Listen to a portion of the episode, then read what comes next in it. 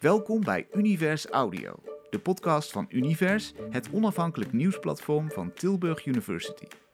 Mijn naam is Luc Hezen en ik spreek elke maand een gast die gerelateerd is aan het academisch leven in Tilburg.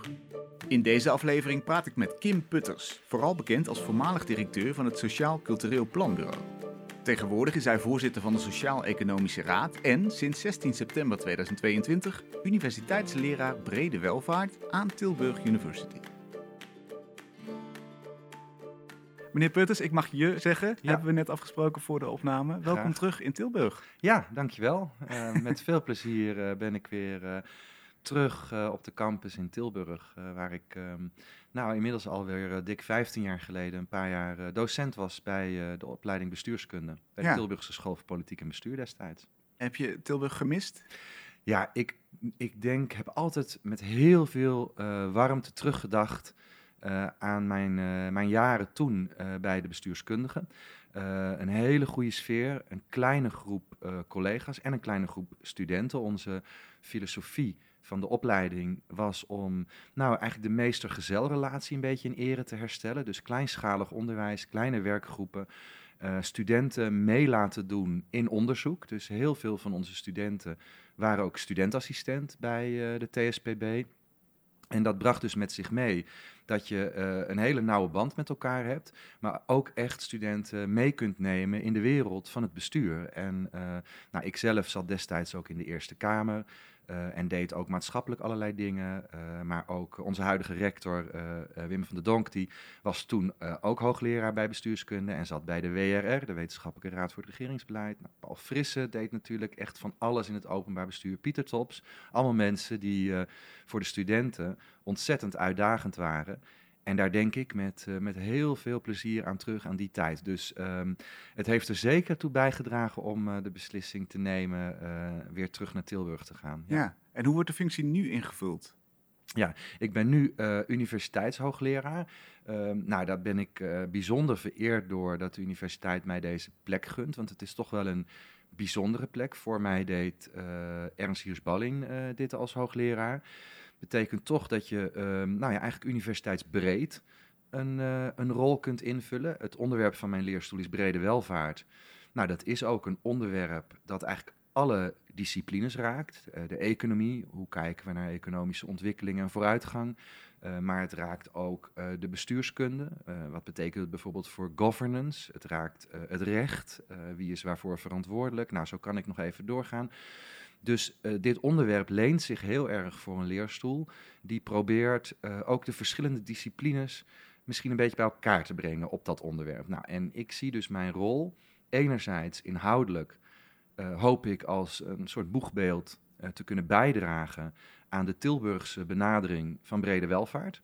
Uh, nou, kunnen we misschien zo nog wel wat meer over zeggen. Ja, wat die benadering specifiek is inderdaad. Ja, en daar zijn we mee bezig. Mhm. Mm -hmm. Maar dus, dus de ene kant is een boegbeeld daarvoor zijn. Mm -hmm. um, en de andere kant is ook wel, ik voel me ook wel uh, een soort trotse ambassadeur van de Tilburgse Universiteit. Dat ik ook overal kan uitdragen um, uh, welke belangrijke dingen we in Tilburg allemaal doen. Dus ik, ik voel me vereerd dat ik deze rol mag, mag invullen. Ja, en gaat er dan specifiek onderzoek ook uitgevoerd worden? Zitten er colleges aan? Hoe gaat het in praktische zin? Ja, nou, ik zei al, we zijn bezig om, om eigenlijk een Tilburgse benadering van brede welvaart neer te zetten. Uh, we zijn onlangs ook met eigenlijk allerlei hoogleraren vanuit de verschillende uh, schools bij elkaar geweest om na te denken hoe de academische werkplaats brede welvaart, die de Tilburg University heeft, hoe we die een stap verder kunnen brengen. Um, en dat betekent um, dat we echt nadenken aan de ene kant niet alleen wat is brede welvaart. Hè? Dat gaat dus over ecologie, economie, maatschappelijke ontwikkelingen en hoe werken die allemaal op elkaar in. Dus als ik het heel simpel vertaal, uh, hoe kan onze economie en samenleving uh, duurzaam en inclusief zijn naar de toekomst toe? Dat zijn toch wel twee hele belangrijke pijlers van brede welvaart: duurzaamheid, economische ontwikkeling, maar ook inclusiviteit, gelijke kansen bijvoorbeeld. Nou, dus aan de ene kant wil je met de leerstoel, maar zeker ook met de uh, academische werkplaats, het inzicht daarin vergroten. Wat betekent dat? Wat is dat? Maar ik denk dat onderdeel van de Tilburgse benadering ook echt kan zijn. En hoe gaan we samen op pad? Dus de governance, hè, dus wie heb je erbij nodig? Uh, hoe werk je samen? En misschien weten we het niet allemaal precies, want ik ben er echt van overtuigd dat wij in de overgang van een type samenleving zitten. Ook in mijn werk bij de Sociaal-Economische Raad um, is dat echt speerpunt van we gaan toe naar een nieuwe economie. We zullen duurzamer moeten. We zullen uh, mensen er meer bij moeten betrekken. Uh, niemand mag achterblijven. Dus de internationale discussie uh, over rechtvaardige transitie, just transition, die gaat er ook over in, in goed Nederlands, leaving no one behind. Dus hoe zorgen we ervoor dat ondernemers dit meemaken, maar ook werknemers, bedrijven, organisaties, universiteiten? Nou, precies die vraag, hoe doen we dat? Hoe lopen we samen op? En hoe organiseren we dat? Dat is denk ik ook echt een mooie Tilburgse vraag, waar heel veel kennis en ervaring van collega's bij gebruikt kan worden. Kun je nog eens schetsen wat die twee typen samenlevingen zijn? Je zei net, we zitten op een kantelpunt, een overgangspunt. Ja, nou ik vergelijk het uh, uh, graag met de overgang van destijds de boerensamenleving naar de periode van de industriële revolutie. Um, dat was zo'n kanteling van type samenleving, waarin de economie totaal anders ging functioneren, zich anders ging organiseren door technologische vooruitgang, um, door andere arbeidsverhoudingen. Maar niet alleen de economie, uh, ook de sociale verhoudingen uh, veranderden door een andere combinatie van werk, privéleven, uh, wat er van je verwacht wordt in de samenleving, het onderwijs, al die publieke voorzieningen, die kregen ook steeds meer vorm toen die overgang naar die andere samenleving er was. Dus het, het veranderde onze economische relaties, arbeidsrelaties, het veranderde onze sociale en familierelaties. En het veranderde ook, en dat is buitengewoon boeiend in deze tijd, ook onze politieke en bestuurlijke relaties. Want dat was wel de tijd waarin langzaam maar zeker er ja, nieuwe politieke bewegingen en stromingen opkwamen. Die gingen over hoe willen wij de samenleving inrichten en hoe willen we het aan de volgende generatie overdragen. En precies dat is nu ook allemaal gaande. Uh, we zitten aan het einde van wat ik het industriële model gericht op materiële groei noem. Mm -hmm. echt het bruto nationaal product wat centraal staat, de materiële groei. En we zien dus dat we de grenzen raken van het menselijk en natuurlijk kapitaal. Uh, we hebben de, de, de natuurlijke hulpbronnen langzaamaan uitgeput. We zitten in die klimaatverandering. We zullen duurzamer moeten. En dat vraagt nieuwe verdienmodellen en een nieuwe inrichting van onze economie. Maar we zien ook dat er grotere groepen aan het achterblijven zijn. Mensen met minder scholing, uh, mensen die minder taalvaardig zijn, uh, soms mensen met een migratieachtergrond. En dat betekent dus dat er op dit moment groepen zijn die deze veranderingen niet meemaken. En dat is heel onrechtvaardig. Dus ook nu speelt weer de vraag: hoe zorgen we dat er niemand achterblijft? Nou, en dat zijn bij uitstek ook weer politieke vragen, waarvan ik denk en hoop dat onze politiek daar de komende periode ook echt forse uitspraken en stappen op zal, uh, zal doen. Dit idee is eigenlijk in lijn met wat je schrijft in het boek, recente boek Het einde van de BV Nederland. Het idee dat je niet meer alleen financieel moet kijken naar ja, Nederland als bedrijf, maar dat je naar een brede welvaart inderdaad moet kijken, naar, naar gezondheid, inclusie, ja. alle thema's die je net noemde. Welke rol zouden studenten daarin kunnen spelen? Die worden toch voorbereid om, nou ja, laten we zeggen, de misschien wel toekomstige elite van een land te worden. Ja, waarbij elite al wel weer een, een, een, een ingewikkelde term is. Want wat, wat en wie is dat nu precies? Ja. Maar we leiden onze studenten natuurlijk op om op belangrijke plekken in onze samenleving bij te dragen en om uh, daar hun plek te vinden. Nou, studenten kunnen ongelooflijk veel bijdragen. Ik ga heel even terug naar een college dat ik um, vlak voor de, het voor de kerstperiode uh, in Tilburg gaf. Um, en dat was een college over brede welvaart aan een internationale groep studenten. Um, en ik raakte in, in, discussie met deze studenten over de grote transities, dus de klimaatverandering en de dreiging die daar ook van uitgaat, de digitalisering en de ingewikkeldheden die daarmee gepaard gaan, de groeiende sociale ongelijkheid. Dus al die grote vragen die we nu op ons af zien komen. En er waren twee geluiden in de zaal. En de ene, ene geluid was van ja, weet je, ik word er gewoon depressief van. Hoe kan het nou toch? We zijn niet meer in staat in onze huidige instituties, de huidige bestuurders, de huidige instituten in de politiek, in het bestuur, in het bedrijfsleven, om goede antwoorden te vinden. Dus een deel van de studenten raakte daar bijna gedeprimeerd van, van het moet allemaal anders, maar onze leiders weten niet meer hoe het moet. En het optimistische geluid in die zaal was dat er een heel stevig gesprek loskwam over hoe belangrijk een duurzame samenleving is. De ideeën die studenten daarover hebben, nieuwe manieren van kijken, over, hoe zou je sociale gelijkheid kunnen aanpakken. Dus ik proefde tegelijkertijd een enorme drive om op zoek te gaan naar nieuwe oplossingen, naar nieuwe manieren van denken. Nou, en precies die twee dingen, die moet je combineren in deze tijd. En ik denk dat bij uitstek studenten dit veel beter kunnen dan mensen die in die instituten uh, al heel lang leiding moeten geven. Die, die zijn niet onwelwillend, maar die hebben de denkkracht en de energie van onze studenten nodig om dit te kunnen doen. En dit is het tijdsgevricht waarop het ook echt kan. Ik zou studenten ook willen zeggen, uh, ga vooral kijken met een optimistische blik. Want waar je ook nu terechtkomt, zelfs al tijdens je studie, hè, of je nu de politiek ook ingaat in een gemeenteraad, of je gaat in de universiteitsraad zitten, of je hebt een bijbaantje ergens, of je gaat in een bedrijf meelopen. Dit is de tijd waarin je echt verschil kunt maken. Want iedereen beseft nu, we zullen om moeten, we zullen duurzamer moeten, we moeten anders gaan werken, alleen we weten niet hoe. En ook dat vind ik eigenlijk een geruststelling, maar een oproep aan studenten. Ik zou willen zeggen, je moet misschien wel iedereen wantrouwen die precies zegt te weten wat er nu nodig is. Want we weten het gewoon niet precies. En dat vind ik ook het mooie aan die brede welvaart leerstoel die ik mag invullen.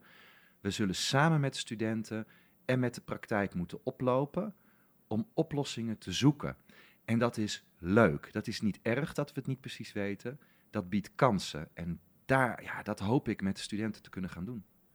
Heb je voorbeelden van die jonge energie, die, die frisse wind die in die studenten zit, in de zin van welke oplossingen echt uniek zijn, die je nog niet hebt gehoord vanuit die gevestigde instituties? Ja, die zijn echt talloos. Laat ik er eentje uh, uh, noemen vanuit mijn uh, werk bij de Sociaal-Economische Raad en eentje wat meer uit de academische wereld. Laat ik bij de SER beginnen. Um, mijn voorganger bij de SER, Mariette Hamer, die onlangs eredoctor is geworden aan de Tilburg University, uh, die heeft in 2019 heeft ze een jongerenplatform bij de SER ingesteld. Nou, daar was iedereen ook uh, soms een beetje van, ja, maar wij, vertegenwoordigen toch ook de jongeren, maar dat hebben we toch gedaan bij de SER. En dat is geweldig. Daar zitten dus vertegenwoordigers van studentenverenigingen, maar ook van de MBO-studenten, de Nationale Jeugdraad, uh, uit allerlei hoeken en gaten. Het zijn vertegenwoordigers van jongeren. En die hebben een vaste plek in de CER en die mogen op elk onderwerp mogen ze meepraten. Dus ook rond duurzaamheid adviseren zij mee. En een van de dingen die zij nu geadviseerd hebben, wat het kabinet gaat overnemen, omdat de jongeren dat hebben geadviseerd, is gezegd: wij maken ons zorgen over hoe we nu tussen generaties een beetje eerlijk en rechtvaardig met elkaar omgaan. Wij zouden eigenlijk willen dat het kabinet bij belangrijk beleid op het gebied van de economie, de arbeidsmarkt, onderwijs, een, uh, een generatietoets toepast. En dat is niet iets technisch, maar als je het hebt over leven lang ontwikkelen, dan is dat dus iets wat niet alleen voor de jonge generatie is, dat is ook iets voor de nu al wat oudere generatie. Dus je moet even goed het inhoudelijke discussie met elkaar voeren en dat moet verplicht. Van besteden wij ons geld nu een beetje rechtvaardig voor de mensen nu en de mensen later? Nou, dat speelt op onderwijs, maar dat speelt ook bij pensioenen, dat speelt bij andere onderwerpen. En dit is een voorbeeld dat de jongeren zelf invulling zijn gaan geven over hoe je solidair zou kunnen zijn tussen generaties. Dat vind ik echt heel belangrijk dat ze dat hebben gedaan en daar gaan wij ook, uh, ook mee verder. Uh, als ik kijk naar de academische wereld, ja, dan zie ik, uh, dan noem ik misschien een beetje een verrassende richting, maar ik zie ontzettend veel energie en potentie in de hele wereld van design thinking, kunst, cultuur, uh, artificial intelligence. En ook op de Tilburg University gebeurt daar van alles. En ik denk dat als wij in staat zijn om grote maatschappelijke vraagstukken uh, ook te zien door de bril van dat soort disciplines, ehm, dat we echt tot een aantal nieuwe oplossingen kunnen komen.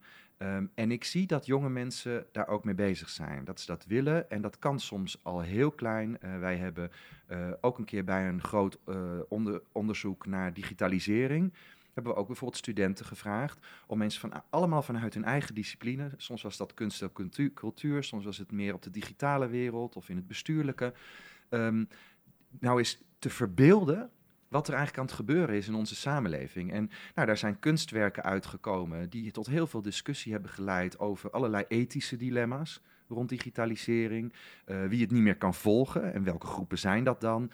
Op een andere manier naar dezelfde dingen kijken, ja, dat kunnen studenten denk ik echt uh, als de beste.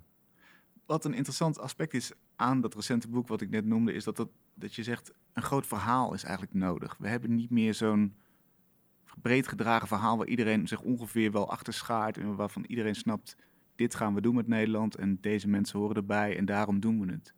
Is dat ook iets wat een taak zou kunnen zijn van studenten? Zijn studenten daar goed in? Of is het nog te onduidelijk? Zitten we nog te veel op dat breukvlak? Nou, ik nee, dat, dat, kunnen studenten zeker. Omdat we, ik zei al, er leven zoveel ideeën en ook betrokkenheid bij jonge mensen uh, in hoe we onze samenleving weer op een leefbare en solidaire en rechtvaardige manier zouden kunnen inrichten. Dus dat kan zeker. Um, maar ik denk dat, um, uh, dat, dat, dat, dat jonge mensen dat verhaal. Um, uh, nee, laat ik het anders zeggen. Um, ik denk dat we niet per se het verhaal hoeven te hebben. Mm. We moeten met elkaar oplopen in een verhaal, in een perspectief. Dus we hebben, wat we wel allemaal nodig hebben, is waar bewegen we nu een beetje naartoe? Dus wat voor soort economie hebben we over 10, 20 jaar in Nederland? Is die wat inclusiever? Wat vinden we acceptabel aan belasting van het milieu? Um, wat vinden we van discriminatie uh, in de komende jaren? Dus die grote vragen, die moet je wel een plek in dat verhaal geven. Maar we moeten ook niet de fout maken dat we weer per se één vast omlijnd verhaal moeten hebben. Omdat ik denk dat we in een tijd leven waarin het volgend jaar moeten we het weer, weer een beetje een zijpad nemen. En dat is helemaal niet erg. Maar ik vind wel dat we op dit moment hebben we het wel hard nodig dat er zo'n soort verhaal komt. Omdat, nou, als ik nou eens een heel scherp woord gebruik, ik vind dat we te veel in een zieloos verhaal over onze samenleving zitten. Uh, in een verhaal waarin we alsmaar bezig zijn om de dingen efficiënter te organiseren, uh, mensen allemaal zelf op hun verantwoordelijkheden aan te spreken. En dat is allemaal belangrijk, maar we missen eigenlijk de ziel van de samenleving. Waar doen we het dan met elkaar voor? Wat is nou opgeteld ons gedeeld belang en, en de gemeenschap waar wij voor gaan? Ja, en dat is natuurlijk voor de Tilburg University zou ik willen zeggen, understanding society, gemeenschap. Ja, dit past heel erg bij de Tilburgse benadering van brede welvaart, na te denken over wat we gezamenlijk, niet alleen maar individueel, maar opgeteld bij elkaar belangrijk vinden voor de toekomst. Moeilijke opgave, denk ik. Want, ja. want dat gaat heel erg in inderdaad tegen de heersende maatschappijvisie op misschien wel bijna alle vlakken, technologisch vlak ook wel. Het idee dat je je eigen merk bent op social media.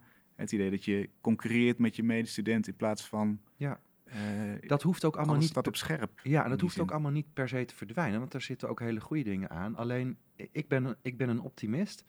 Um, uh, en dat is natuurlijk enerzijds, ik sta met één been in die wereld van politiek en bestuur en met één been in de academische wereld. En ik probeer die te verbinden. En als ik dat doe, um, dan, uh, dan zie ik toch dat we uh, aan het einde zitten van een tijdperk waarin uh, nou ja, alleen maar polarisatie uh, de boventoon lijkt te voeren.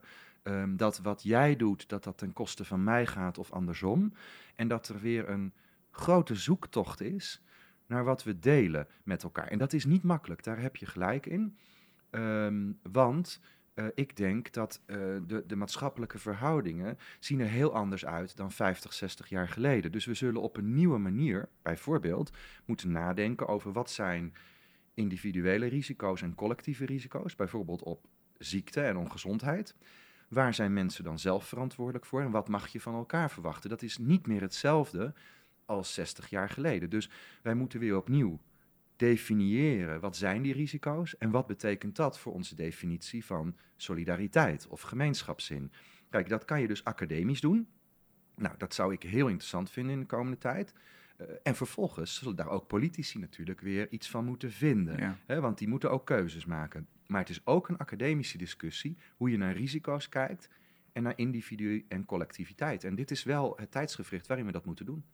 En als je dan zegt, die bezieling is belangrijk, wat adviseer je dan studenten om te doen in hun studietijd? Ze kunnen natuurlijk keihard studeren en, en zo hoog mogelijke cijfers proberen te halen. En, en zoveel mogelijk relevante stages lopen. Maar moeten ze daarbuiten ook de maatschappij opzoeken? Zou je dat ook adviseren? Is dat essentieel voor bezieling? Ja, nou, ik denk dat essentieel voor bezieling in de allereerste plaats is heel dicht bij jezelf blijven en, en nadenken waar je echt je passie voelt. Uh, waar je blij van wordt. Want ja, eh, ik ben er echt van overtuigd dat je um, uh, in je keuzes in je studie um, um, plezier moet hebben. Uh, dat je voelt dat je een passie kan uitbouwen, maar dat je ook een open blik houdt voor de onverwachte dingen. Dus als je helemaal in die bijna red race zit, van nou, dit heb ik gekozen en hier wil ik alsmaar beter op presteren, dan kan je ook het risico lopen dat je niet meer het onverwachte ziet waar je in één keer heel erg warm van wordt. Dus ik zou studenten altijd ook aanraden om, om wat ruimte te houden voor het onverwachte. En dat doe je inderdaad door, uh, nou, uh, uh, inderdaad is een, een, een stage eh, te gaan doen of te zoeken of te accepteren, die misschien iets verder uit je comfortzone ligt, maar waar je wel nieuwe dingen leert. Um, uh, nou, natuurlijk kun je ook nadenken over um, een, master of een, een, vak erbij doen, wat nou eens even buiten je comfortzone ligt, omdat het echt iets heel anders is, waardoor je een verruiming van je eigen blik. En ik denk dat um, als, je als je daarmee de arbeidsmarkt opgaat naar je studie, of misschien al tijdens je studie, dat dat ook hetgene zal zijn waar werkgevers steeds meer naar gaan kijken. Uh, zijn uh, dit mensen die in staat zijn om blikwisselingen te creëren en te ondergaan en daar het goede uit te halen. Dus ik, ja, en ik denk dat heel veel studenten dit over zal doen. Dus ik, ik, ik zou eigenlijk vooral willen zeggen, uh, ga daarmee door. Maar ik zie inderdaad ook de prestatiedruk um, die ook voor mentale problemen kan zorgen. En daar is volgens mij echt de oplossing even nadenken wat die passie echt is. En, mm. uh, en, en, waar zit die? En dat ja. als leider uitnemen en ja. niet het perfecte ja, plaatje. Ik, ik, realiseer me heel goed dat dat misschien makkelijk gezegd is. En toch, toch ben ik ervan overtuigd dat het zo is. Ja. Heb je het zelf ook zo gedaan eigenlijk? Ja, ik ben... Um, nou, ik ben in eerste instantie van mijn eerste passie afgeweken. Dus misschien dat ik daarom ook wel met zoveel uh, nadruk zeg. En dat was, ik, ik wilde naar de PABO. Ik wilde eigenlijk leerkracht uh, op een uh, toen nog heette het lagere school, uh, later basisschool worden. Um, maar tegen die tijd dat ik de keuze moest maken, um, toen heb ik dat niet gedaan, omdat de eis onder andere voor wiskunde verhoogd werd. En ik, ik, een beetje bang was dat ik dat allemaal niet zou trekken. um, wat, wat denk ik achteraf helemaal niet nodig is geweest. Maar toen ben ik mij verder gaan oriënteren en toen vond ik de opleiding bestuurskunde. En daar raakte ik al heel snel heel erg geïnteresseerd in. Vooral omdat het een opleiding is die wat generalistischer is en die dus ook economie, recht, sociologie, psychologie, dus al die vakken eigenlijk combineert. Um, en dat ben ik toen gaan doen, ook omdat ik een hele brede interesse had. Um, en daar heb ik vrij snel een passie voor het openbaar bestuur gevonden. Maar ik had er iets extra's bij nodig. En daar komt eigenlijk mijn leerpunt, waarom ik dat daarnet zei. Uh, ik merkte dat ik die studie moest combineren met iets waar ik echt heel erg warm van werd. En toen merkte ik dat dat eigenlijk de gezondheidszorg was. En de zorg en gezondheid. Dat is nog steeds voor mij iets.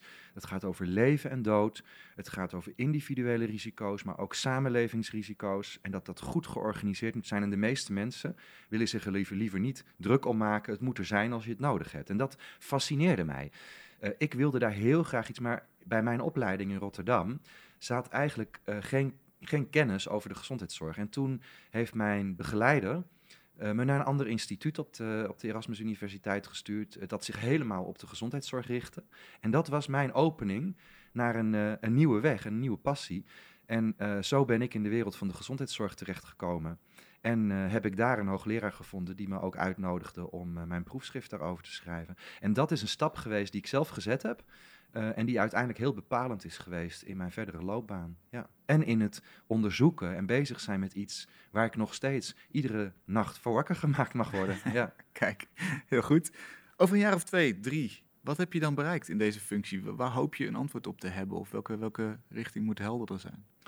Ehm, in de allereerste plaats ehm, hoop ik, dat, en dat zou ik ook echt willen, dat het uh, vanuit um, zowel de Sociaal-Economische Raad als mijn plek in Tilburg lukt om eigenlijk ankerpunten neer te zetten voor onze samenleving en economie voor de komende 10, 20 jaar. En daarom vind ik de combinatie van mijn twee rollen ook zo mooi. Op de universiteit kunnen wij hier de diepte ingaan, kunnen we verkennen hoe je over duurzaamheid in combinatie met inclusiviteit nadenkt, wie je daarbij nodig hebt, uh, mooie onderzoeken uitzetten. En bij de SER kan ik het ook uitproberen. Hè? Kan ik, ook ik, ik heb hier de achterbannen van vakbonden, van werkgeversorganisaties, natuur- en milieuorganisaties. Dus ik kan ook juist hier in de praktijk kijken hoe gaan we dat realiseren. Dus ik hoop dat het lukt in de komende paar jaar om uh, met heel veel mensen samen, ook met studenten, na te denken. Wat is dat dan, dat vergezicht voor Nederland? En, uh, en hoe kunnen we daarover niet alleen praten, maar hoe kunnen we het ook doen? En nou, dat is een hele ambitieuze agenda. En ik zou al blij zijn als we het ons lukt om daar een paar stappen in te zetten. Um, ik heb nog wel iets wat daarbij komt kijken. En dat is misschien iets persoonlijks. Um, ik vind dat wij in ons land, en dat is wel breder uh, in westerse democratieën, um, te snel en te veel in gepolariseerde en tegengestelde verhoudingen zitten. Um, dat brengt ons nergens uh, als we alleen maar elkaar wantrouwen en alleen maar ja tegenover nee zeggen. Dat, dat brengt ons in de politiek nergens, het brengt ons in de polder nergens en het brengt ons op de universiteit ook nergens. De universiteit leert ons dat we bij uitstek in gesprek moeten gaan, uh, elkaar als mens moeten respecteren, maar openstaan voor argumenten. En ik denk als we da daar echt rond die brede welvaart en rond de grote problemen in onze samenleving een goede dialoog in weten te vinden, dat we dan ook kunnen bijdragen aan wat minder polarisatie in onze samenleving. Um, anders gezegd, ik denk dat we de wetenschap heel hard nodig hebben om uh, de weg uit de tegenstellingen te vinden in ons land. Dat is misschien nog wel een grotere opgave dan ja. die je als eerste noemde eigenlijk. Ja. En dat, is bijna een, een gespreksmodel. Ja, en dat is er misschien eentje aan ons als academische gemeenschap in zijn ja. totaliteit. Hè? Kijk, um, ik vind dat de wetenschap in de achterliggende uh, jaren soms ook wat te veel in een, in een hoekje gestaan heeft. En er, er, wordt wel snel gezegd van nou, dat is ook een mening. Maar ja, de wetenschap is natuurlijk niet de volgende mening. Hè? We doen onderzoek, dat doen we volgens de regels der kunst. Dat doen we interprofessioneel getoetst. Um, dus wij mogen best wat steviger in onze schoenen gaan staan, zelfbewust dat wat wij doen, dat dat onmisbaar is voor de vooruitgang in onze samenleving. Het is onmisbaar om in die nieuwe type samenleving, die meer uitgaat van brede welvaart, om daarin terecht te komen. Dat kan niet zonder de wetenschap. En ik vind dat wij dat met zelfbewustzijn als academische gemeenschap uh, moeten uitdragen en ook moeten inbrengen tegen iedereen die tegen de wetenschap zegt van ach, daar heb je er weer zo één met een mening. Ja, maar hoe doe je dat op een manier die niet polariseert, die, die niet stelling neemt recht tegenover iemand? Ja, misschien dat je soms op een punt komt dat je wel stelling moet ja. nemen, daar heb je gelijk in. Maar ik denk dat het toch altijd weer terugkomt op dat je bij de argumenten moet blijven. Um, kijk, de wetenschap gaat niet over uh, ik vind dit alleen maar, zonder dat je het kunt onderbouwen. En daar moeten wij, denk ik, altijd elkaar in de wetenschap op blijven aanspreken. Maar ook diegenen in de politiek of in het bestuur um, die dat als wederargument naar ons geven. Kijk, iedereen mag vinden in dit land uh, wat hij wat vindt, mag dat ook uiten. Um, maar dat is iets anders um, dan een goed debat of goede discussie over feiten en argumenten. Succes. En dat moeten we dus blijven scheiden van elkaar en van meningen. Ja. Succes met deze grote opgaves. Ja, dankjewel. Ik hoop uh, goed samen op te kunnen lopen in Tilburg met uh, collega's en met studenten. Ik kom graag over een jaar of twee, drie terug om te kijken of, of, of hier iets eh, ja, ontstaan is. Van Ja. wat je net schetste. En ik hoop eh, eh, anders misschien een keer in een collegezaal. Misschien dat ik dat tot slot nog kan zeggen. Dat we ook nadenken of we misschien een mooie collegereeks zouden kunnen maken rondom brede welvaart. die ook toegankelijk zou kunnen zijn gewoon voor alle studenten van de Tilburg University. Dus niet zozeer één opleiding. Dat zou ik heel graag doen. Dus dat heb ik een beetje als ambitie om dat in de komende periode te ontwikkelen. Dus dan kunnen we ook in de collegezaal de gesprekken aan. Mooi, dankjewel. Graag gedaan.